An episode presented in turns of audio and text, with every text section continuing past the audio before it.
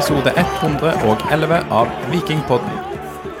Viking har de siste fire dagene spilt to gode kamper mot Bodø-Glimt, og i dag, 24.4.2022, vinner vi 2-0 hjemme på SR-Bank Arena mot laget fra Bodø.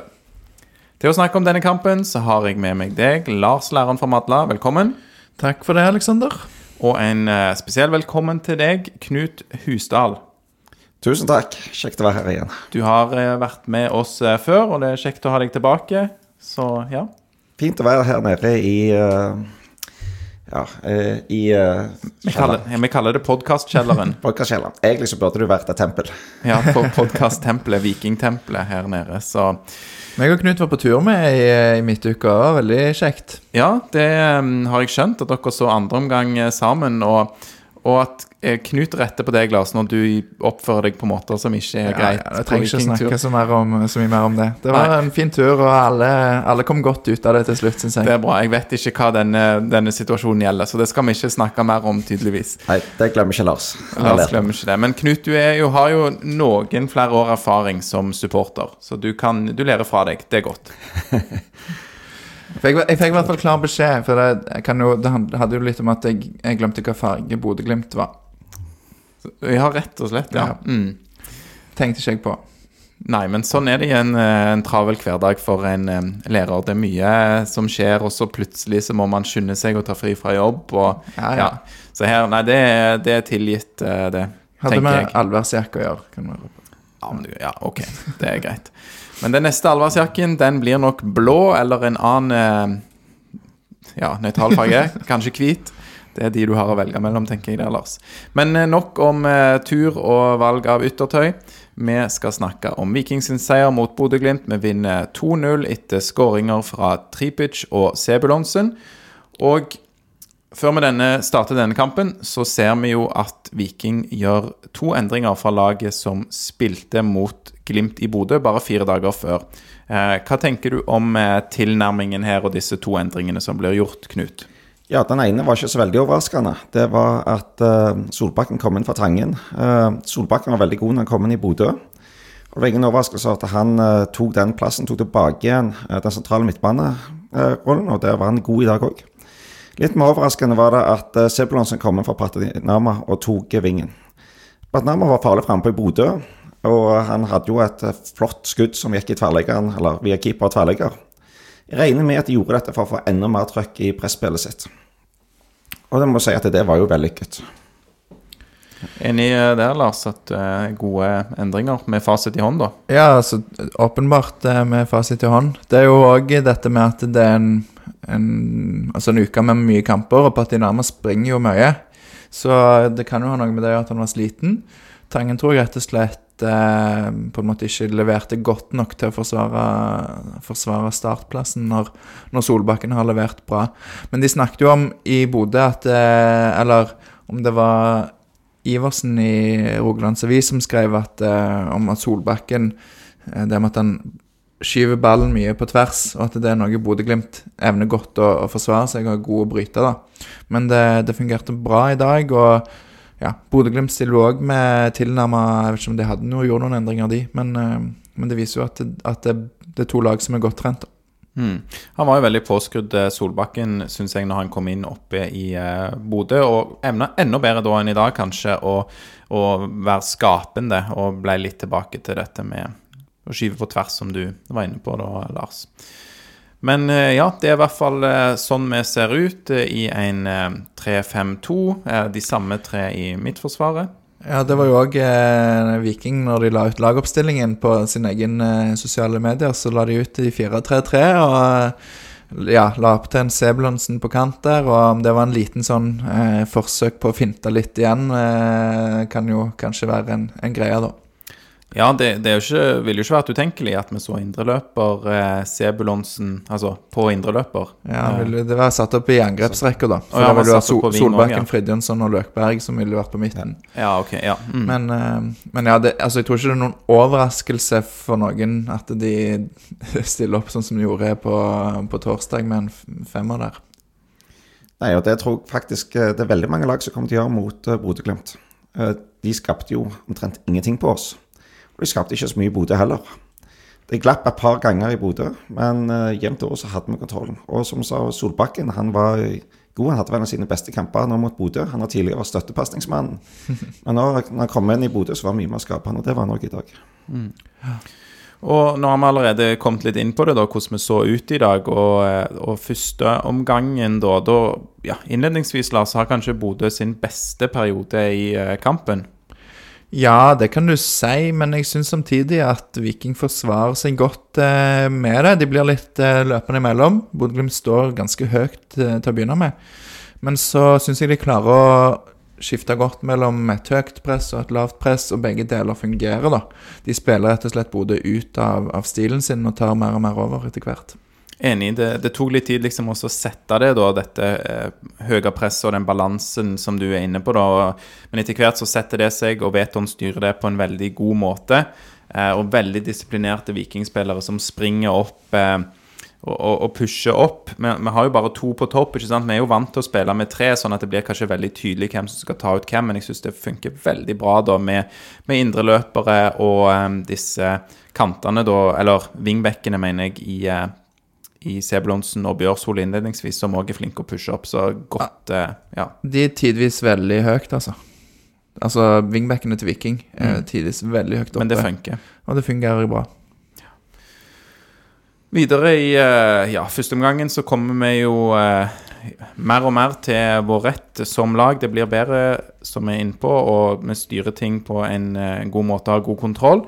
Og etter 26 minutter så får vi betalt som vi ønsker, Knut. Ja, og Da kan vi eh, gå videre på det som Lars sa, at wingbackene våre sto veldig høyt. En som sto veldig høyt eh, lenge, det var Sebulonsen, som eh, hele første 25 minuttene veldig ofte sto ute på sida og på krittet og vifta og markerte at han var ledig, uten at vi makta å vende spillet. Da i den 26 minutter, så jeg tror det var Stensnes som slo en tversoverpasning til han. Uh, han tok ned ballen uh, og sentra til Frid Jonsson, som drar seg inn, danser forbi og drar seg inn og skyter et godt skudd. Heiken eh, gjør en, gjør en retur. Eh, Berisha kommer, skyter i Tripic, som går, eh, så går ballen i mål.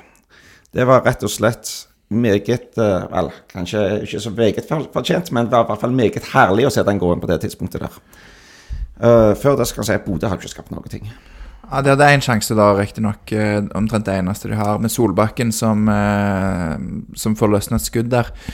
Eh, se- Som går like utenfor, ja. Ja, sniker seg utfor. Stensnes litt på etterskudd, men jeg tror han gjør en liten, uh, en liten touch på ballen, eller en, sånn at uh, Solbakken får en dårlig, et dårlig utgangspunkt for det skuddet. Det var vel de største sjansene gjennom hele kampen. Ja.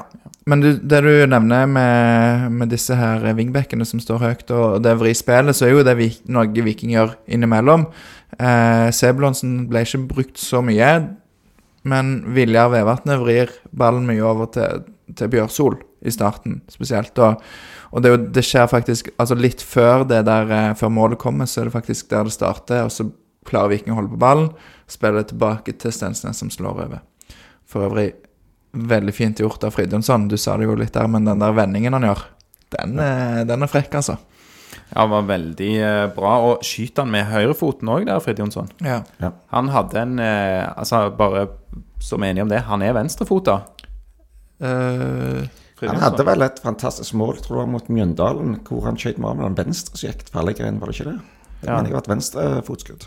jeg trodde han var høyre. høyre Ja, men, ok, ja, men da er det eh, kanskje jeg som roter litt, ja, på det. Men uansett en eh, god kamp av eh, Frid Jonsson, og veldig viktig der før, eh, før 1-0. Eh, noe mer vi vil si om den eh, omgangen, før vi snakker litt om andreomgangen? Tja, nei, det er ikke så mye, men det, det, jeg syns Viking kjempegodt. altså. De trykker til og, og lar Bodø-Glimt få kjenne at eh, det, er ikke, det er ikke en lett plass å komme her på stadion. på noen måte. Vi ble spilt eh, veldig lave tidvis, så lave at vi ikke klarer kontra kontre engang. Så det, det, så ikke, det var perioder i første gang det ikke så så veldig bra ut. Eh, vi sa vi står høyt med Vingbekk, men så Bjørsol en del ganger gjemmer seg vekk eller uh, sliter mer enn jeg har sett han slite tidligere. Eh, men vi står av, eh, og selv om vi blir spilt live, så holder vi dem fra livet. De kommer ikke til noe skudd. De har jo ikke noen avslutninger innenfor 16-meter. Og for, for, Forsvares godt som lag, for det du sier altså det, det er jo tidvis at eh, Bjørsol blir gått forbi Vil, Vilja Vevatnet eh, når de kommer med flere på kant der. Men, men så har du i dag, syns jeg, Fridtjonsson gjør en kjempegod defensiv jobb. Det har vi kritisert han for tidligere. Jeg syns at eh, midtbanen kjempegodt generelt. Så det, det, er rett og slett en, en skikkelig god eh, laginnsats som gjør at det blir veldig lite sånn eh, blir lite ut av det som Bodø-Glimt kommer med, da. Mm. Ja, Bodø hadde en XG på 0,59 i dag. Altså, vi spiller de rett og slett skamdårlige. Mm. Og hva var Viking sin, eh, Knut? Det var 1,76. 1,76. Det var velfortjent seier. Jeg tror ikke de har blitt sånn overspilt eh, sjansemessig. Ganske nøyaktig tre ganger så mange forventa mål til Viking. Det var litt snakk her i pressesonen òg, at det er lenge siden altså Kanskje husker jeg har ha sett Bodø-Glimt så dårlig. Og det er jo mye Viking sin fortjeneste. Så kommer vi inn i, uh, i andre omgang, og jeg syns vi ser på en måte det beste fra første omgangen gjennom større deler av andre omgangen. Er dere enig i det? Ja, jeg syns i likhet med i, i Bodø, så er Viking bedre i andre omgangen. Og altså Jeg kan omtrent ikke huske en eneste sjanse for Bodø-Glimt i andre omgangen. Du har noen skudd og noe cornergreier, men, men det, det er rett og slett veldig solid. Og etter hvert så tar Viking helt over når, eh, når Bodø-Glimt blir mer og mer frustrert utover der. Så, eh, så ser det nærmere ut 3 og 4-0 enn enn 1 og 2-2. Ja, jeg syns òg at mer og mer ut i andre omgangen, så ironisk nok, da, etter den idiotiske, sleivete kommentarer om at Viking slår mye langt mot Berisha eh, på, på torsdagens kamp eh, 20.4.2022 i cupen, da vi dessverre tapte, så kom jo Ulrik Saltnes med en sånn merkelig kommentar om at Viking bare slår langt på Berisha. Men i dag så lemper jo Bodø-Glimt, i andre omgangen spesielt, så mye opp på eh, Boniface. Boniface spesielt etter han kom inn, da, som går i eh, duell etter duell med Brekalo. Men òg før Boniface kom inn, så er det bare sånn Ja, rett fram med lempe opp eh, på våre stoppere, som stort sett vinner, da. Viking sine stoppere vinner disse duellene. Så det var veldig tannløst, og um, det blir litt sånn enspora fra Bodø-Glimt. Det funker ikke. Ja, og jeg vet ikke om det er en bevisst strategi fra Viking og, og Brekkalo, men du ser jo hvor hardt Brekkalo går til med Boniface. Stort sett så er det fair, men det er jo, han klatrer jo på ryggen og han lager jo noe frispark. Og den ene gangen kaster han seg ned, og ja, vi ser jo hva det ender med for, eh, for Boniface. Ja, vi kan jo kanskje ta det der eh, røde kortet med en gang. eh. Klønete å gå inn med, med strak arm sånn. Hvis du skal prøve å skjerme spillerne, så kan du ikke være oppe i hodehøyde. Da må du senke armene som angrepsspiller, eller som forsvarsspiller, for den saks skyld. Ja, altså Det er jo utrolig teit, for det at det, første gule kortet Boniface får, er at han er helt eh, oppe i face to face med, med dommer Tore Hansen. Må le litt av den, Alex. Sorry, nå var jeg, jeg var litt og fokuserte på neste ting. Nei, men han, han går opp i ansiktet, tett opp i ansiktet på han og, og, og kjefter, han, kjefter på han. Så han får et gult kort for å kjefte på dommer, og så, og så har han jo det når han går inn med armen i Ja. hodehøyde på, Ja. på Brekkolo. Det er jo bare tåpelig. For det, det er så behagelig for dommeren. For det er så tydelig, det er så enkelt å ta. Så om det ikke er så veldig farlig å få noen fingre i ansiktet, kanskje, så er det så lett for dommeren å ta. Det, det er veldig sant, altså. Det blir det åpenbart for, for alle på tribunen òg, på en måte, hva som skjer. Så ja, kanskje ikke for dere som satt på felt O. Litt, eh, litt lenger vekke. Satt men- på felt O, Alexander. Ja, nei, sto. Er Unnskyld. unnskyld, ja. Um, nei, Knut, bra innsats Skal ikke ha eh, det på deg. Knut, Ja, at du det satt litt, på felt O. kommer vi litt tilbake til der. Men eh, jeg ville bare si en siste ting òg om dette med at de eh, lemper litt langt, Bodø-Glimt. Altså, Viking er jo kjempegode å låse av eh, på når de prøver å spille seg ut. Og det gjør jo òg at Glimt ved flere anledninger spiller på høy risiko og blir ikke straffa på det. Men hadde de fortsatt sånn hele kampen, så hadde de nok blitt straffa til slutt. Og da er det kanskje bedre å bare lempe langt, da. I eh, Ja. ja. Må gjerne òg få lov til å komme med litt skryt her til, til Batti og Jensen. De har i alle kampene eh, så tar de grep som endrer virkelig kampbildet.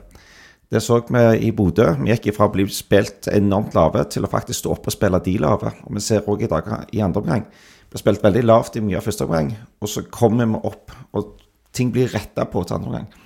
Så Batu Jensen har virkelig tatt, eh, tatt tak i mange ting som vi har savna i tidligere generasjoner av Viking. Ting blir endra, ting skjer i pausen, ting skjer når de tar bytter, ting skjer når de uh, endrer på formasjoner. Ja, og et av de grepene de gjør her, er jo at de bytter om på sidebekkene, eller vingbekkene da. Ja, ut fra start av omgangen så Ja. Bjørsol og Sebulonsen bytta side. Og så kommer det jo et nytt grep da i det 54. minuttet kommer Kevin Cabran inn og spiller um, høyreback, um, eller høyre wingback. Um, Eller høyre ving. eller høyre ving, ja, for jeg synes det er ort. Da satt jeg med hjertet i halsen, for jeg syns han uh, løste den posisjoneringen ganske mye dårligere enn det um, Bjørsol hadde gjort på samme plass uh, i, i første omgang. Det er så uh, Ja, han har mye offensive fibre, og i begynnelsen der så syns jeg heller ikke Gianni da forskjøv seg nok ut på siden for å ta ut eh, Pellegrino, som hadde kommet inn på venstre kant for Bodø-Glimt. Sånn at der eh, Jeg så at han vifta som en gal på ballen, eh, Pellegrino, og fikk han heldigvis ikke de aller farligste situasjonene, men han hadde mye rom å løpe på der noen ganger. Men der, er ikke, der var ikke Jensen enig med deg, for jeg spurte han om dette etter jeg hadde, etter jeg hadde intervjuet han. Så spurte jeg han når han gikk forbi litt etterpå. Så nei, det var, det var helt eh, kalkulert, det. Så det var, det var veldig bevisst. Ja, jeg skjønner at det er bevisst, men jeg, jeg kan ikke med min beste vilje forstå at de ser på det på analysen og tenker sånn Yes, sånn skal man løse det når man er en sånn høyre wingback da, som noen ganger skal pushe opp, og noen ganger så skal, skal bidra defensivt der. Og Gianni virka ikke forberedt, syns jeg, på at Kevin skulle løse den rollen på en annen måte enn Bjørsol, for det mener jeg han gjorde når han kom inn. Det Men- så litt skummelt ut. Jeg skal innrømme det. Ja, det Men eh, når Kevin kom inn i det 54. minuttet, så blir jo Sebu òg eh, flytta opp, og det skal vi jo kanskje være glad for i det 67. minuttet der, Lars. Ja, der er det jo Cabran som har kommet inn. Han slår en lang ball framover som eh, Ja, det er Høybråten som tar han, og, det er ingen vikingspiller oppe i samme duellen, men der ligger jo Bjørsol faktisk og lusker. Eh, headingen fra Høybråten eh, går rett til Berisha, som, eh, som tar han med seg og blir lagt i bakken av Emengomo, og hele stadion roper på, på frispark der. Heldigvis så eh, gjør eh, dommeren en god vurdering og ser at eh, ballen faktisk havner hos Sondre Bjørsol inne i 16-meteren. Og han legger den ut til Sebulonsen, som skyter fra 16 meter, plassert eh, inn forbi haiken i målet. Ja, ja det, det er så nydelig. Og det er jo Syns jeg er kjekt òg at dette skjer jo da noen minutter før Bodø-Glimt får det nevnte røde kortet, men tok jo ting litt i feil rekkefølge, for det kom i det 74. minutt. Men målet kom i, de, det 67. minutt. Så vi skårer to mål på Bodø-Glimt, 11 mot 11, og veldig fint satt der av Sebulonsen, som du sier, Lars. Ja, det, det er bra. Og, ja, Viking gjør jo veldig mye rett i dag eh, generelt. Og så får jo nå nevnte Boniface dette eh, andre gule kortet og et rødt kort i 70 74. minutt, men ett minutt før det, Knut, så er det kanskje noen andre som skulle vært i dommerens bok, som slipper unna. Ja, det var noe skikkelig griseri. Det er kanskje mange på stadion som har glipp av. Men du får eh, se litt i sosiale medier som dukker opp. Og det var Ulrik Saltnes som gikk i ryggen på Kabran. La han i bakken. Og mens Kabran ligger på, på magen på bakken, så går eh, Ulrik Saltnes over han og kjører kneet i, rett inn i ryggen på han. Skikkelig eh, grisestygt. Dette skulle vært et klart rødt kort. Direkte rødt. Sånne ting skal man bare ikke ha på, på fotballbanen. Nei, det er nok en frustrert eh, Saltnes der som totalt eh, mister hodet, og, hodet, og dessverre eh, lykkes med å kamuflere dette, da. For jeg kan skjønne at det ikke er så lett å se liksom, at han bare snubler, men hvis du ser det på reprisen, så er det, det er 100 Ingen måte å, å komme seg ut av den på. Nei, det er, det er jo helt bevisst. Og det som er fint med dette, midt oppi det hele, er jo at dommeren kan ikke ha sett det. Jeg, jeg tror ikke at dommeren har oppfatta det. Jeg vet ikke hva du tenker. Knut. Nei, jeg tror ikke han gjorde det. Altså, hvis, du, har- hvis du ser dette her som en dommer, så gir du direkte rødt. Jeg tror nok at eh, ja, altså Hvis ikke dommeren har sett det, så, så er jo det mulighet for å ta det etterpå, tror jeg. Eh, hvis dommeren hadde gitt gult kort, så er det på en måte tatt. Men hvis dommeren ikke Ja. nevner det i rapporten, så kan det jo på en måte rapporteres inn og, og bli behandlet etterpå. For dette, dette er stygt, og det, det er hardt, og det, det et kne i, korsryggen. Det kunne, kunne gått skikkelig galt. Ja, og Det er ikke en duell eller noe sånt. Altså, Det er en spiller som ligger på magen og skal reise seg opp, hvor han da trør over, og så kjører han kneet ned i ryggen på han. Saltnes er sur for han eh, i den duellen, altså den duellen der, og Kabran har armen litt oppe, og Saltnes har armen litt oppe, men Saltnes føler nok at han blir lagt i bakken, og du ser hårbåndet kommer litt ut, så han blir jo ganske sikkert provosert av at hårstilen ikke sitter. Ja, da er det nok formildende omstendighet. Ja, sant? Da må det jo være greit å legge et kne i ryggen til noen. Men han, det ikke, stopper jo ikke der, for at Jensen ser jo dette best av alle. Morten Jensen øh, og, og, og Stian Refvik. Og, og Saltnes går bort til Stian Refvik og legger hendene sine rundt halsen på han. Riktignok ikke å, å stramme til, men det, det er jo provoserende og, og Ja, det, det, det det, må få noe etterspill, den situasjonen der og de scenene som kommer etterpå. For det, nei, det, er, det er så pinlig og vondt. Og, og, og det du må, du må forvente mer av et lag òg som har hatt eh, suksess, sånn som Bodø-Glimt har hatt. Du, den, selv om du taper for første gang i eh, serien på så og så mange kamper, du må tåle å tape. Du må tåle at du er dårlig. Du kan ikke bare å, ja, at liksom Å ja, men her var det jo vondt for de som har vært gode så lenge. Men håret hans, Alexander Ja, men du saug, liksom. Det, laget, ditt var, laget ditt var bås, liksom. Dere klarer ikke å skape nok. Da må du ta deg sammen. Så får du ikke oppføre deg fint på banen, og så får du òg stille opp og snakke om det etterpå. Ja, for jeg tror nok han kjente på at det var pinlig, og at han ikke kunne vri seg unna den der sjøl. For han, eh, han stilte ikke opp til noe intervju etter kamp, i hvert fall. Alle, det var Håpløst. TV 2 og VG og NRK, alle ville snakke med Saltnes, men han, han kom ikke ut. Det, er ikke det litt flaut, da? Når du, når du har gjort det bra så lenge, og så det den, taper du den eh, ene kampen i, i serien eh, første på lang tid, og nei, da skal jeg ikke stille til intervju. Det, det, altså, det er jo Skjønner det er kjipt å ha tapt, og jeg skjønner at han er sur, men uh, Men han er kaptein. han er kaptein.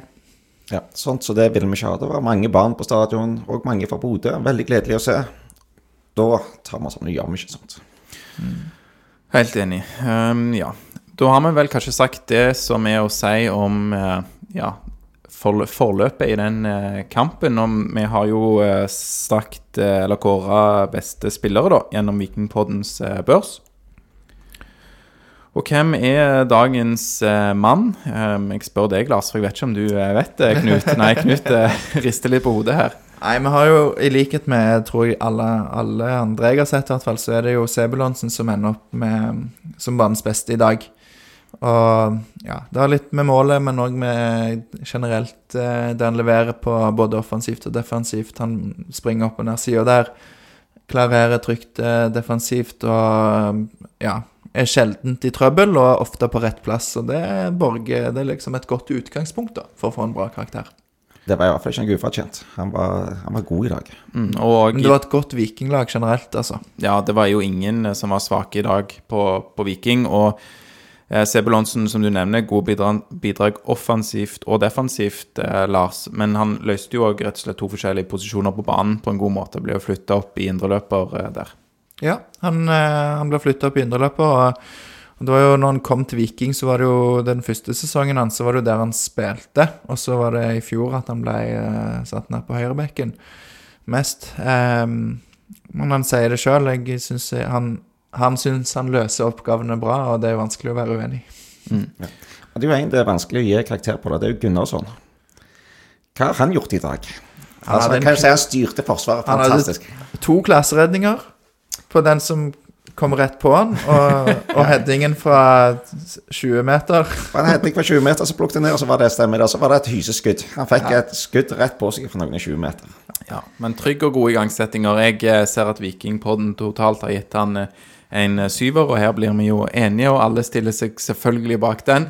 Eh, Men hvis jeg skulle tenkt meg om en gang til, så er det kanskje litt der at en keeper må kanskje ha litt å jobbe med, da. Eh, som en skuddstopper og i feltet. og vet sånn. vi ikke. Han var nok med og styrte forsvarsfemmeren så bra at han ikke fikk noe skudd på seg. Det er et godt poeng, Knut. Og han, han hadde jo òg litt sånn plukka baller og var trygg i felt. Og, ja. Vurdere, re, vurdere rett hva han skal gå ut på, hva han skal holde seg ja.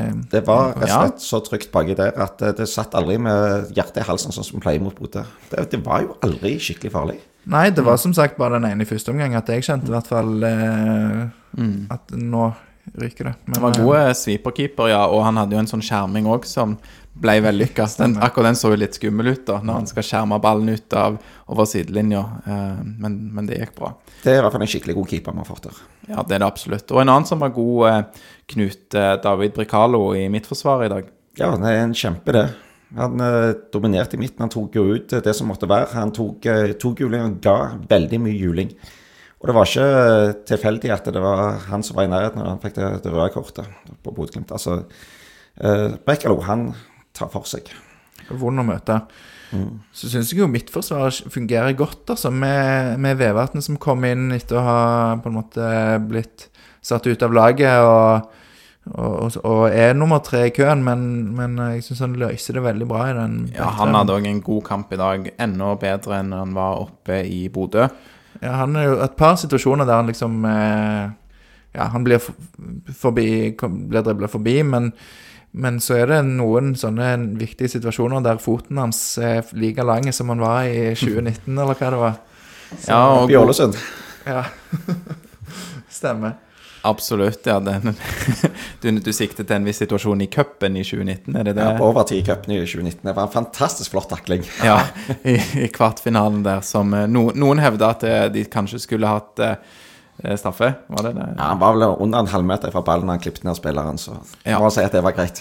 Ja, og hevda det, det kan de få lov til. Men det er jo det, det, nå er vi tilbake i 2019, og vi vant cupen i 2019. Glad for det. Bra inngripen av eh, nevnte Vevatnet da, og en god, god kamp i dag. Eh, Jeg syns òg han var litt bedre i oppspillene sine. Han førte opp ballen på venstresida noen ganger. Eh, og han er der og avverger på hodet, og nei, solid kamp av han. Stensnes syns jeg, eh, til forskjell fra i fjor, så blir han eh, litt mer usynlig, og det er greit. Jeg tror det har litt med rollen til Brekalo i midten der, som er på en måte oppe og tar for seg litt mer, og Stensnes får en litt annen rolle når han spiller til høyre for eh, David Brekalo. Så kanskje hvis vi ser de to i en, eh, en firer igjen, eh, at det er litt mer kampene for Stensnes, da. Eh, og føre ballen fram og ja. Stensnes han er jo flinkere til å føre ball og gjøre pasninger og spille oss ut ifra midtforsvaret. Og det, det har vi ikke hatt så mange midtstoppere som har gjort de siste par tiårene. Nei. Så både han og Brekalo evner Ja. jo det. En liten eh, fun fact eh, fra statistikkens verden, så eh, skårer faktisk David Bricalo klart dårligst av de tre i Midtsforsvaret, og Viljar Vevatnet best. Ja, det er litt interessant. Men jeg kan jo tenke meg da at eh, noe av det er fordi at han sikkert har veldig mange dueller, f.eks. Eh, David Bricalo. For det er ofte han som går opp. Og det er klart at eh, hvis du går opp sånn mot Boniface på slutten og, og ellers òg, så er det Det er jo ikke lett å på en måte ha Hvis du er oppe i åtte dueller i løpet av en kamp, og har en uttelling der som er seks, syv eller åtte av åtte. Men nå, nå gjetter jeg bare. Lars, du sitter med tallene foran deg. Ja, på eh, Hva vil du ha, sa du? Nei, jeg bare, jeg bare tror at eh, David Brekalo er mye mer involvert og er i mange flere dueller enn f.eks. Stensnes, og sånn hodedueller, som var mitt eksempel her. Og fordi at han er mer i det, så blir han òg mer synlig for oss, som synes at han gjør en, en god kamp og er involvert. Eh, og så er det òg litt større risiko for å tape noen av de duellene, da. Og Ja. det vil jo trekke ned på statistikken. Mm. Det er jeg helt enig med Alexander. Så han går ut, det er han som går i og støter, og så de to andre faller bak. Så eh, selv om han kanskje taper en del av disse duellene, så samtidig er han oppe og presser og forstyrrer så mye at de andre får en mye lettere jobb med å vinne sine dueller eller stjele ballen. Og, og hvis på disse statistikkene, da, sant, hvis du er en, en spiller som eh, har mer offensive fibre, eller som ender opp med å ha en større del av involveringene dine som pasninger og sånne ting, så vil jo statistikken da gå oppover, tror Ja, altså Det som er med, med statistikken her, at du kan på en måte se litt at Brekalo ligger i midten av de tre. For det er sånne lange pasninger, så har jo både Viljar og Gianni ganske mange flere. Eh, og de treffer òg på, på flere. Og noen Altså, han har like mange hodedueller som eh, som Viljar, men eh, begge to har seks, ifølge denne statistikken, seks hodedueller. Viljar vinner fem, og Brekalo vinner fire. Men så er det jo forskjell på f.eks. å møte Boniface og å møte eh, Komson, f.eks. Mm. Så eh, ja. Skal ikke legge altfor mye i det, for det er jo Vi, vi har jo gitt Brekalo best eh, med, da, så det, det er jo liksom, Ja, men sånn- jeg syns det, det er interessant å, å se litt på de tallene òg, men det rekker vi stort sett ikke gjøre sånn veldig nøye, i hvert fall før vi spiller inn podkast. Da hadde det gått noen timer og kanskje en dag ekstra før episodene kom ut. Men, men for å gå tilbake til børsen, da, så er det jo eh, nevnt eh, Brekalo og Sebulonsen, som får åtte på Vikingpoddens børs. Eh, og det gjør òg Slatko Tripic, som har eh, nok en god, eh, god kamp med gode involveringer. Ja, så jeg tror vi går videre da, og da skal vi høre litt fra deg, eh, Knut. Eh, Stemning på tribunen. For meg og Lars er jo dette fra langsiden for å kunne nyte fotballen best mulig, da. Eh, Det er jo litt lettere, tror jeg, hvis du sitter sånn relativt ja, midt på, høyt oppe på langsiden. Mens den beste stemningen får man kanskje ikke da blant de som sitter der. For det har dere på felt O, vil jeg tro. Og definitivt. Og korona lærte oss en annen ting. Det ble sagt det at eh, stemningen det skaper en god ramme rundt kampen. Etter å ha opplevd eh, kamper uten publikum, så har jeg endra mening. Altså Det er kampen som skaper en ramme for den stemningen du kan oppleve med venner, kompiser og alle andre som er på stadion. Så jeg har gått fra langsida til, eh, til felt O. Jeg er ikke alene, det er flere. Og eh, enda flere er hjertelig velkommen. Jeg regner med flere og flere vil komme til. For det er rett og slett en fantastisk flott måte å oppleve fotballkamper på. Stemningen i dag tror jeg er det beste jeg har opplevd noensinne av stemning. Uh, og nå tar jeg med kamper jeg har vært i utlandet. Det var helt fantastisk å stå her. Det var hopping, det var trøkk, det var så du kjente det i, i brystet når du sto der. Dette her er noe som du ikke opplever hvis du sitter på langsida. Det var jo helt fantastisk å, å se på, for det er jo to felt. og var, Vi syns det var mange sist gang, og det var enda flere i dag. Og vi hører det godt hele kampen. og Jeg husker ikke hvem det var, men jeg lurer på om det var en fra, fra Viking som sa de blir jo bare flere og flere de på felt O. Og det, det stemmer jo. Og det er det en grunn til, sikkert. Det er en veldig god grunn til. Det er ca. én av ti tilskuere eh, på felt O. Altså, regner med var rundt 800 sist gang, litt over 1000 denne gang, regner jeg med. Det er plass til enda flere. Og det å få en hel vegg der som støtter laget, klart at det hjelper på. Og når det gjelder hvem som er det at de har gjerne hatt et litt dårlig rykte, disse stående supporterne. Det er fullstendig ufortjent nå. Det er En av de mest gledelige tingene med å stå der, det er alle ungene som er. Altså Du finner ikke disse fyllikene som raver rundt og skaper trøbbel. Det er familievennlig, de tar tak i det. Om det er, eh, om det er noe rasisme, det er veldig inkluderende. Det er folk som viser omsorg for hverandre. Når vi reiser rundt, det er fantastisk stemning, fantastiske folk. Og det er noe helt, helt annet enn eh, det som har blitt eh, sett på som eh, den vanlige si, syngende supporteren fra tidligere tider. Så kom bort og prøv, så vil jeg oppfordre alle som hører på. Tusle rundt. Det er åpent rundt stadion. Tusle rundt. Still dere med felt O. Prøv å oppleve, være med og synge. Det var veldig kjekt å, å være på tur med på tur med Felto nå på torsdag. Da, eh, da var jeg med og sto der, og det var absolutt eh, kjekt, det. Så, eh, så jeg skjønner godt at folk, eh, folk vil slutte seg til det, og det er jo bare å, gi den oppfordringen videre og skaffe seg Viking pluss på Felto. Mm. Så kan jeg òg si at eh, selv om man ikke har eh, Viking Pluss, så går det an å bli medlem i f.eks. Vikinghordene.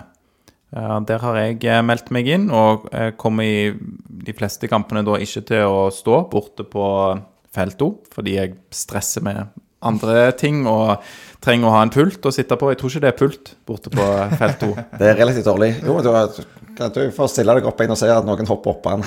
Ja, ja. Det hadde nok fort skjedd da.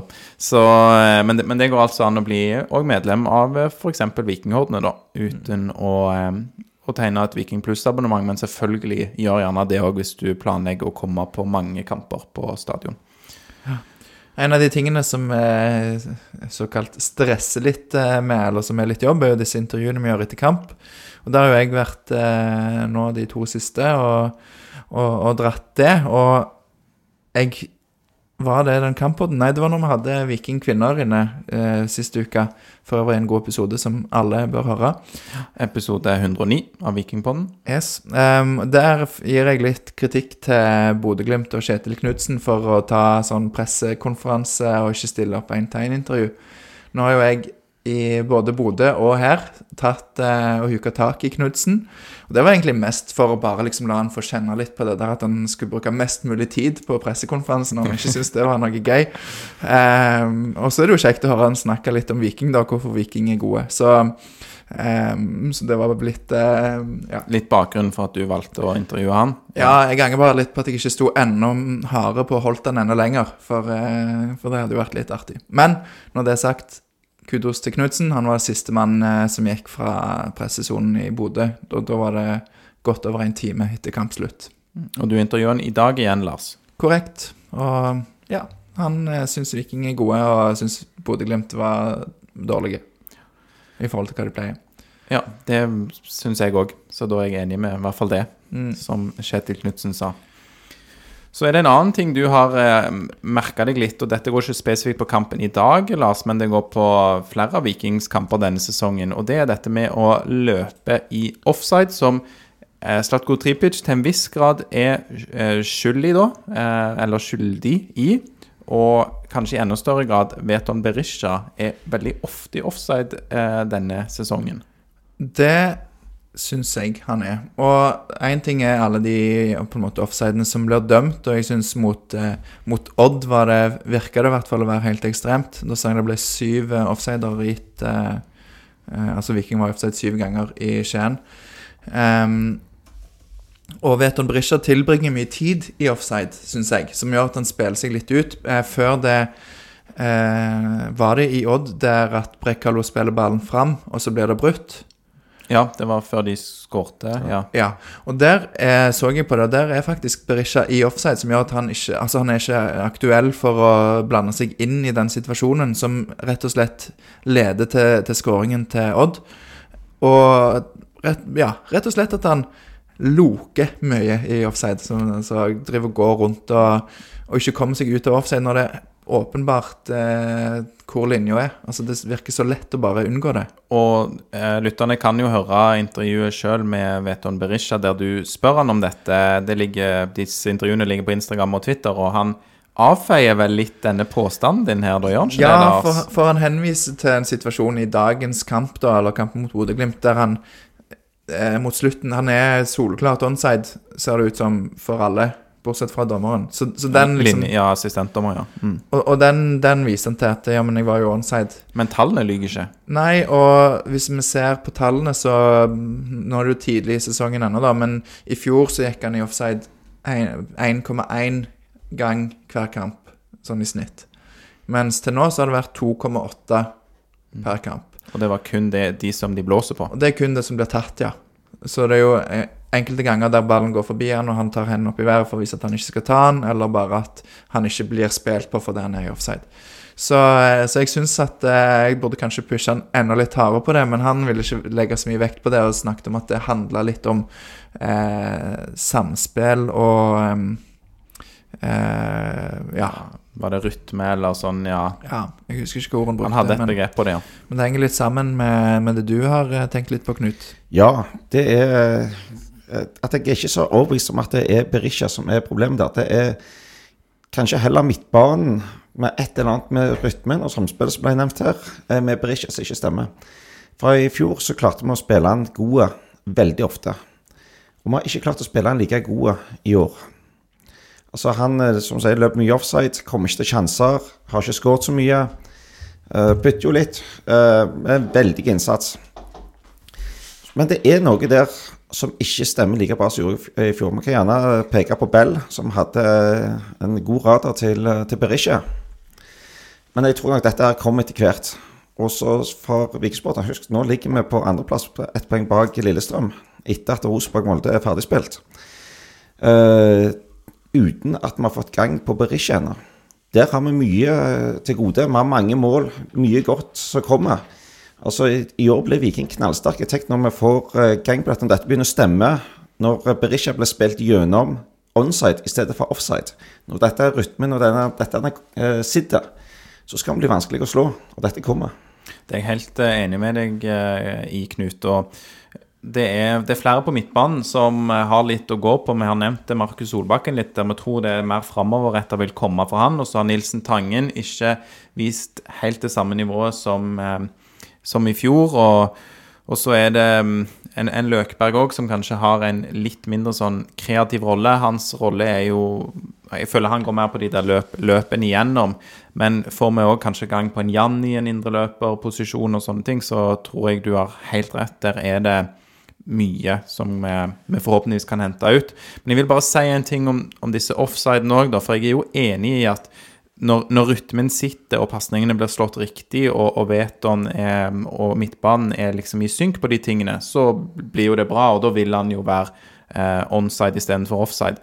Men noen av de tingene, noen av de gangene han er i offside nå og bare strekker opp hendene og sånn, for meg så er det litt sånn Jeg mistenker at han prøver å konservere krefter, og at det òg blir litt feil. For at, da er det ikke sånn at han har prøvd å gå på et løp, da er det mer at han står i offside. Så to på en måte litt forskjellige måter å være i offside på, da, vil jeg hevde. Ja, og det, det er jo noe i det, og det er jo bare da Kanskje heller spare krefter onside. Altså ta, ta de to meterne det er, kanskje maks, og så kan du hvile der. Så er du i hvert fall klar til å være med. Men nei, hva tror dere om denne teorien her? Kanskje litt søkt, men eh, tror dere at Morten og Bjarte har sagt til, til alle andre i Viking at eh, ikke spill Berisha så god, sånn at vi får beholde han hele sesongen? Jeg, Hva tror du, Knut? Nei. Tror du det? jeg har heller ikke troen på det, Lars. Men jeg syns det er litt interessant å, å se da hvor Viking nå befinner seg. Det, Berisha er jo kanskje fortsatt vår viktigste spiller, i alle fall en av de aller viktigste, eh, sammen med Slatko Tripic og etter hvert òg eh, eh, stopperrekka. Men det som er interessant, er jo de som tidligere har vært med og båret laget og spilt veldig mye, som er um, unggutter som Sebastian Sebulonsen og Harald Nilsen Tangen. De er jo sånn som De var linka vekk. Eh, og nå ser vi at det rulleres mer på laget. Og da tenker jeg det er jo positivt for Viking eh, i at man får flere folk i gang. Eh, og så håper vi jo f.eks. at Harald Nilsen Tangen kanskje skal spille en enda viktigere rolle enn det han har gjort til nå. Men det gjør jo òg at eh, litt sånn som du er inne på med Veton Berisha, da, at han har ikke i serien eh, skåret noen mål til nå, eller skåret straffemål. Nei, det var i, i cupen. Så han har ikke skåret noen mål. Og disse andre som var nevnt som videresalgsobjekter, da, Harald Nilsen Tangen og Sebastian Sebulonsen, de er liksom ikke, har ikke helt samme rollen som i fjor.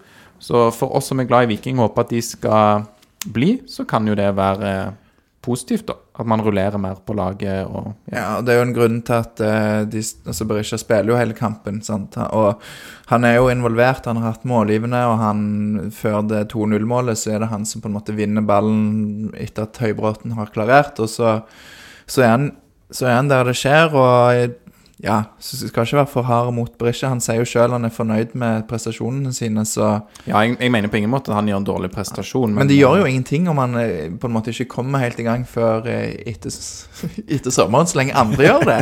Ja, det er jo for viktig fotball at da må andre gjøre jobben, ja. Ja, Ja.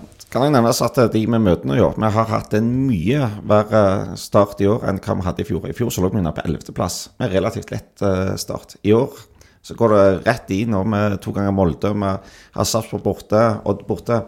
Eh, Vi møter Molde borte. Altså Dette her er det vanskelig, vanskeligste laget vi har. Og det er ikke rart at vi rullerer litt, at kanskje juniorene ikke dominerer veldig, eh, like veldig mye som de, de gjorde i fjor. Eh, Men nå kommer det forhåpentligvis kamper hvor de blir i stand til å dominere og trå til litt mer. har Haugesund på lørdag, og Haugesund har jo null poeng. Og det er litt sånn todelt, for jeg gleder meg til å møte Haugesund og forhåpentligvis ta de ordentlig, for de har vist null og ingenting. Men det er litt skummelt når Haugesund ikke er i form og kommer til Stavanger, altså. Det er jo Ja. Det er jo cupfinale for dem. Jeg er enig, og vi kan jo bare ta det med en gang, holdt jeg på å si, den neste kampen, da. Eh, Det er De har veldig uh, lyst på en seier, tror jeg, når de kommer. Og vi snakket jo òg om at sånn som Frid Jonsson f.eks. er en spiller som har vært veldig disiplinert og god i to kamper mot eh, Bodø-Glimt. Men jeg frykter jo at han er litt sånn humørspiller, sant? og nå har de gjort bånn pinne innsats eh, i to ganger 90 minutter mot en god motstander. Åh, Man må bare passe på det og klare å skru på, være disiplinert, ta returløpene òg mot en antatt svakere motstander. Så den er litt eh, Ja, det er et potensielt bananskall i den, og det pleier jo ikke alltid Vi pleier i hvert fall ikke å spille ut FKH i eh, serien. Nei, Jeg har troen på lørdag, jeg. Og jeg tror Der velger jeg å eh, tro på Batti og Jensen. Altså Nå har vi gått gjennom eh, 30 år hvor vi har fulgt Viking tett. Hver eneste gang vi har vunnet mot topplag, så går vi på trynet mot båndlagene etterpå. Gang på gang på gang. Når du sitter eh, fire-fem ganger i hver sesong i 30 år, så lærer du til denne her, at dette skjer. Nå går vi på trynet. Men eh, det er jo noe av det som virkelig har skjedd når Batti og Jensen har kommet inn. Det er Plutselig så har vi begynt å stå på i de kampene og ta de hjem. Her er det håp. Ja. Det blir, jeg tror det blir en festkveld på stadion igjen, jeg. Ja, det er jeg eh, enig i. Jeg, eh, jeg har troen. Eh, Og selv om jeg identifiserer det mulige bananskallet Men du, du Alex, du tar, eh, du tar en kjedelig 1-0-seier, du, mot Haugesund. Ja, men det, er liker det, det er det som jeg, jeg forventa mer eh, den type kamper av Viking tidligere, da. At vi faktisk skulle klare å stenge igjen og, og vinne noen sånne 1-0-kamper. Men sånn som vi er nå, så er vi, evner vi jo å holde nullen. Det har vi bevist òg mot god motstand senest i dag, da. Men i tillegg så synes jeg vi har, eh, vi har flere strenger å spille på offensivt. Så disse 1-0, kjedelige 1-0-kampene som jeg snakket om eh, for et par år siden, som jeg, som jeg nesten drømte om noen ganger da, for det var sånn jeg ville vi skulle tette igjen og klare å være kyniske og få 1-0-seire, eh, de, de tror jeg kanskje er, det kommer færre av nå. Ja, nå har vi elendig statistikk mot Haugesund, da, så jeg tar gjerne et offside-mål eller en feildømt straffe på lørdag. Ja. Tre poeng er, er viktig eh, på lørdag, så vi får Hvordan det kommer, det får vi ikke være så kritiske til, kanskje. Er det, er det noen som vet hvor tid forresten, jeg bare kom på nå, hvor tid Bodø-Glimt tapte sist i Eliteserien, eller? Det var 22 kamper nå, så jeg. Det var mot ja. Sandefjord borte, mener jeg de sa. Stemmer det. Ja. 30. juni 2021. Mm, så det var um, på tide. Men da eh, har vi snakket om ganske mye lystig, og nå er jeg litt eh, Jeg vet ikke om jeg skal si Jeg er ikke skremt på forhånd, men jeg er litt eh, Jeg lurer på hva som kommer. For på programmet vårt her så står det 'Rant fra Knut'. Og så ser jeg at du har tatt med notater, og det er to eh, ganske tettskrevne sider du har her, Knut. Så meg og Lars får vel lene oss tilbake og eventuelt prøve å komme med litt korreks hvis noe av disse rantene, her, disse rantene ikke er helt eh, på merket. Men eh, jeg er spent. Det forventes. For de som ikke er interessert i Rant, men selvfølgelig bare spole fram fem minutter. Hva, kan du, vil du si først hva er kategoriene? For du har Ja. noen forskjellige punkter. Det er litt, Dette går rett og slett på norsk fotball. Viking har vært fantastisk flinke de siste årene. altså Forbildelig flinke til alt. Men fremdeles har norsk fotball mye å lære. Og nå har jeg passert 650 kamper her i serien sitt, eh, og vært mange på mange bortekamper. Ja, Så du har vært på 650 Vikingkamper og sett de Ja, så- live i så- levende livet? Nei, jeg har 600 vikingkamper så 650 kamper som jeg totalt sett har sett her. Ok, ja. Så jeg har vært en del på bortebane og sett, og det, det er ikke alt det som er like lystig for, uh, uh, for norsk fotball. Og jeg håpet jeg kunne ta litt av dette her. Nå har vi vunnet, nå har vi eh, Viking gjør det bra, så tenkte jeg kunne ta opp litt av norsk fotball i, i stedet for uh, trekke ned dette her litt og komme med litt, eh, litt klaging og sånt. Uh, For jeg vil veldig gjerne at alle andre også skal komme opp på, på samme nivå. Og det er ikke litt ting som ikke ligger helt til rette for eh, i norsk fotball. Og da mener du samme nivå som Viking, for du mener Viking gjør en god jobb på noen Jeg, ting? mener, jeg, jeg tror de har vært best i landet på det som går med supporter og bygge laget ditt de siste årene. Eh, dere som var, på, var sikkert på dette uh, kickoffet før eh, sesongen. eh, Stemmer. hvor mange tilskuere var det Bjørne sa at vi hadde inne på de siste kampene i 2017? 520 eller noe sånt. Ja, nå med full stadion. Hvor mange andre klubber går fra 520 tilskuere til 15 000? Noe har gått riktig her. Men eh, men jeg mener fremdeles mer Dette er ikke gråting over eh, egen syk mor. Eh, men jeg vil gjerne at eh, andre skal bli like flinke til å treffe hjertene til folk. Ting skal bli bedre. Eh, sånn at her kommer det mer mot norsk fotball enn Viking generelt. Og produktet her er Eliteserien, ikke Viking. Eh, alle ønsker at vi skal stappfodle tribuner. Så ranten og spørsmålet er hvorfor bruker du norske klubber så enormt mye energi på å fremstå som mislykka tapere? Jeg har nå fire eksempler her nå. ene her er kamptidspunktet. Norsk fotball vises på søndag klokka 18 eller klokka 20. Noen argumenter med å få med hyttefolket. Så spørsmålet er hvorfor skal vi tilpasse oss hyttefolket? 5% var på fjellet i påsken. Hvorfor skal opplevelsen til de som elsker fotball, bli styrt av noen få som er kun er villige til å bruke gradsbilletten sin om det passer greit med køen ned fra hytta? Kamptidspunktet må til, tilpasses de supporterne, de som elsker fotballen her i Norge. På søndag kveld så har allerede folk blitt metta med fotball for alle andre store ligaer gjennom hele helga. Flytt kampene frem til lørdag klokka 15. Fotballhelgen starter med norsk fotball. Så kan vi heller se på alt andre reelle hvis det er til vi orker. Det er jo helt enig fra sånn podkast-synspunkt òg, så er det fint å være ferdig litt før klokka ti på en eh, Eller elleve på en søndag. Ja, Argumentet kommer veldig fort med engelsk fotball. Ja, ja, men eh, så går vi glipp av han her karen som sitter nede i kjelleren til mammaen sin og så synger 'You'll Never Walk Alone' mutters alene. Mens han er der og begynner begynne å skrike på engelsk i TV-en sin. Altså, det finnes andre òg. Han er hjertelig velkommen, han òg, sånn som alle andre. Men det finnes også en annen viktig grunn til å flytte, etter min mening, til, til lørdag. Det er å få med bortesupporterne. Vi ser jo veldig at Felt O er veldig flinke og gode her i år. Men bortesupporter bidrar også til liv til tribunen. Ikke alle klubbene sitter rundt uh, Oslo med en halvtimes tur til, uh, til en bortekamp. Gjennomsnittlig avstand på de, de lagene i Sør-Norge er faktisk 406 km stadion til stadion å kjøre. Det er jo hva det er fem timer Innenfor en fem timers radius fra Stavanger så får du to kamper. Ja, FKH og Jerv. Ja. Og likevel så stiller vi med 500 mann borti Kongsvinger osv. Så, videre, så det, det, er veldig bra. Men det, dessverre så er det veldig få som kommer. I fjor da vi hadde Odd på besøk, så var det vel fem stykker. Var det kun Fridtjonsson som oppdaga at det var noen supportere der. stemmer det. Stemmer det. Men jeg har lyst til å bare er enig med deg i mye av det du sier, Knute. Bare for å gi litt pushback, da, så syns jeg kanskje at eh, for alle andre enn bortesupporterne, så, så syns jeg søndag er en eh, fin dag, og det funker bra som tradisjon. Og det kommer jo fra meg som ikke bruker lørdagen på å se eh, engelsk fotball, da. Det skjer ytterst sjelden. Men kunne tatt søndag klokka to eller søndag klokka tre. Bare det hadde hjulpet. Hjulpet veldig mye for å tenke på å komme seg hjem igjen. Altså Har du unger uh, og sånt og skal hjem og skal komme hjem klokka to-tre på natta og skal de på skole, det, det, er ikke bra. Og til og med for TV-selskapene da, så kunne man jo spredd det litt mer ut. Det måtte jo Definitivt. være en vinn-vinn-vinn. Ja, og engelsk fotball, der storlagene de spiller ikke uh, nødvendigvis klokka fire på lørdag lenger. I dag spilte jo Liverpool som tar dit med Viking, full stadion. Ingen grunn til å utsette kamper eller spille på andre tidspunkt pga. utenlandske serier. Ja. Uh, jeg sier at det, det, er vanskelig å komme seg hjem, uh, men det de gjør Eliteserien rikere å få med seg bortesupportere. Uh, jeg håper at alle bortesupportere som er på Vikingstadion får en fin opplevelse, for det er piker ikke alltid vi får når vi reiser vekk. Har mange ganger satt oss i bilen, kjørt i ett strekk i ti timer til bortekamp, blir behandla som møkk, taper 2-0, setter oss i bilen og kjører hjem igjen. Så ser vi på oppsummeringen av runden i opptak, og får servert en diskusjon om hva som kan gjøres med det synkende tilskuertallet i Eliteserien. Og her må vi kaste opp en brannfakkel. Hva om vi ikke behandler deres aller beste kunder og fremste ambassadører som spedalske kriminelle? Bare en liten tanke. Har du en, en en bortetur friskt i minne, kanskje, fra torsdag? Ja, har det. Der vil jeg anbefale folk å gå inn på Twitter og se Charlotte Mæland sin, sin tweet og satt sammen eh, hvordan unger blir behandla oppe i Bodø og på Vikingstadion. Charlotte Mile, tror jeg på, på Twitter.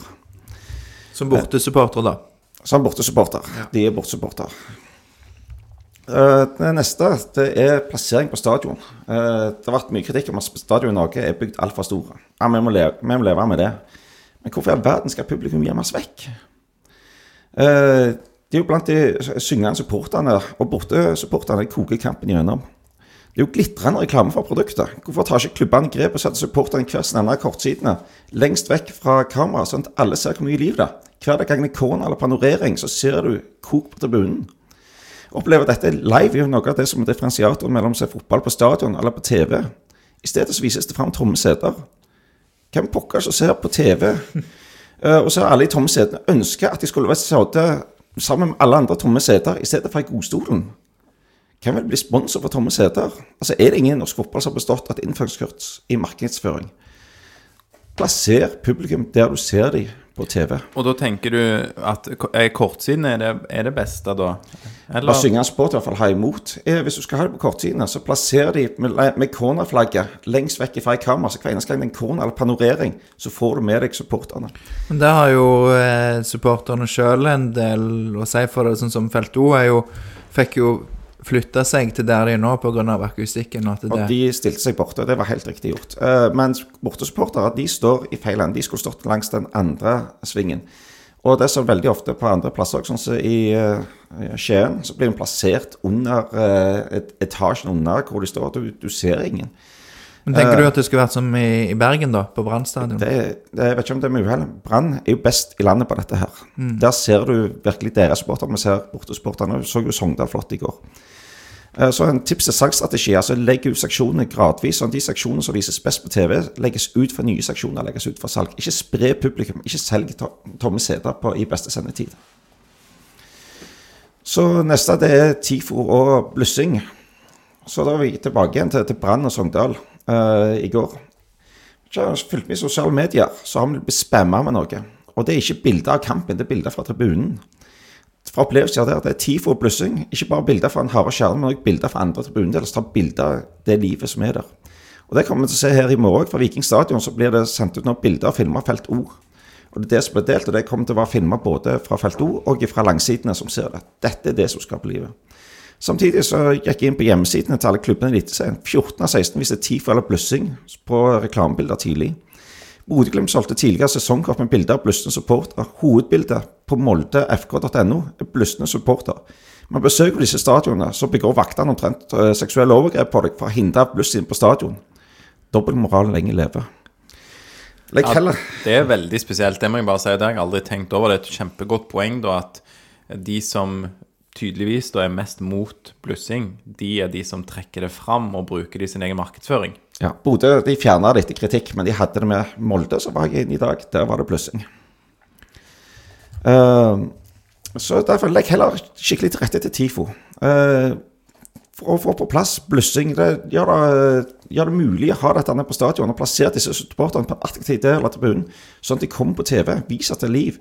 Sørg for at de som kamper på TV, angrer på at de ikke var på stadion, fikk oppleve dette live. Og Du ser jo hver gang det er noe opp som en hvor fantastisk liv det er på norske stadion, så er det jo TIFO, det er bluss- blussing. Så til slutt så vil jeg bare si at drømmen for alle bedrifter er å få så, lokale, eh, så lojale kunder som Apple har. Det blir jo sett på som det helt store. Norske kun- eh, fotballklubber har jo dette i bøtter og spann. Men hvordan behandler de det? De tar bilder av, av de og bruker det til markedsføring, og deretter blir kundene bøtelagt nekta adgang til stadion. Hvilken lærebok står det at dette er den beste måten å behandle kunder og foredle produktet sitt på? Så hvordan kan norske klubber da eh, skape billettangst og FOMO, altså fair missing out, når de promoterer tomme seter i beste sendetid? De behandler de beste og fremste ambassadørene sine for, for produktet, som møkk var deretter delta i paneldebatter eh, om hva som skal gjøres med de synkende tilskuertallene. Kom igjen! Så jeg vil avslutte av slutt med til å si at Viking heldigvis blant de aller flinkeste i Norge. Jeg håper virkelig at de andre eh, trekker dette enda lenger, og at Viking kan begynne å lære av andre òg. Begynn med å behandle kundene deres skikkelig, så se at de, de tar seg ut òg på tilskuertallene. Så nå håper jeg òg at mange er veldig uenige med meg, og gir kraftig uttrykk for hvor uenige de er. Får Takk. du, får du ko- komme i podden og, og gi en, en, en motrent dette her? eh, Bare send oss en, en melding. Nei, men jeg eh, syns det er interessant og er enig i mye av det du sier. Og jeg syns jo òg eh, Det var vel daglig leder i Skeid som spurte i dag på, på Twitter hva Viking gjør rett. Og, og så så- så jeg at Viking Oslo har lagt en lang tråd nå der de svarer på det. Du svarer litt på det her. Og forhåpentligvis så kan dette være med på å heve produktet, som jeg jo Ja, som en elsker å si. Produktet norsk fotball er jo sånn eh, Produktet, det er lidenskapen vår. Altså, det, det er våre følelser som er produktet eh, de selger. Ja, altså for Ja. Produktet norsk fotball er et Ja. fint uttrykk. Det, det høres fint ut, men det, det, straks du begynner å trekke det inn på denne BI-terminologien, så forsvinner følelser, og da forsvinner grunnen til å gå på kamp. Ja. Jeg lurer på, jeg skal stille dere et helt eh, annet spørsmål, men jeg kan jo si først takk for god forberedelse til gode poenger, da, Knut. Det setter vi pris på, så ja, kanskje det kommer noen kommentarer, da, sånn som du etterspør, hvis folk er uenige. Håper det. Og det er så Drømmen er at Viking fortsetter utviklingen, men at andre òg trekker dette fram, så Viking òg kan begynne å gå rundt og se hva andre har gjort. Bare komme med spørsmål på Twitter, sånn som kommer Hva har Shade eller andre gjort så fantastisk bra som har lufta produktet? Hva kan vi lære derifra? Vi vet vel alle det. mm, Skeid eh, de øker billettprisene bare veldig for bortsupporterne. Det er jo kult stunt, er det ikke det? Ja, det var jo dundrende suksess òg, det. Ja, ja. Det ble jo omtalt eh, Post Nord-oppgjør som ble omtalt eh, i riksmedia. Det er ikke ofte. ja. Bra eh, jobba med å skape litt eh, kontrovers og blest. Eh, men jeg skal spørre dere et helt annet spørsmål nå. Er dere glad i ishockey? Nei, ikke sånn Har registrert det. Jeg har vært på noen kamper, det kan jo være litt. Men Ja. hvorfor ikke, hvorfor ikke Viking for hockey? Nei, men jeg eh, vil jo bare si Jeg eh, hadde jo tenkt at jeg skulle få se noe av Oilers i denne finaleserien. Eh, jeg følger ikke så veldig mye med på hockey, men jeg vil jo bare benytte anledningen òg til å si gratulerer til Oilers, da. Med å ha tatt eh, NM-tittelen. Etter eh, etter hva jeg forstår, da, eh, pissa på Storhamar gjennom eh, fire kamper. Jeg har bare sett én sånn eh, Hva heter det? det periode av de eh, tolv de har spilt da, i finaleserien, og da var de helt overlegne. Så kjekt for Stavanger som eh, idrettsby at um, Oilers uh, tok nok, nok en NM-tittel. Ja, det, det er kjekt at de, de gjør det bra. Det er kjekt at laget fra Stavanger gjør det bra, selv om det ikke er nødvendigvis oppe i. Men så håper jeg at supportere der eh, lærer litt, at det blir skikkelig liv der, og at de får trøkk. Det, det, byen fortjener det, at det er valgfrihet. Et godt eh, fotballag og et godt ishockeylag. Eh, ikke feil, det. Det er det ikke. Men vi er mest eh, glad i eh, Viking, og jeg er mest glad i eh, fotball. Så vil dere legge til noe mer her før vi avslutter? Nei? Knut eh, ser veldig ferdig ut. Du har snakka ferdig nå, Knut, har du Nå har jeg sunget og snakket meg ferdig. Det er bra. Ja, jeg er ferdig. Ja. Da avslutter vi som vi pleier å gjøre i Vikingpodden. Vi sier én, to, tre. Heia Viking!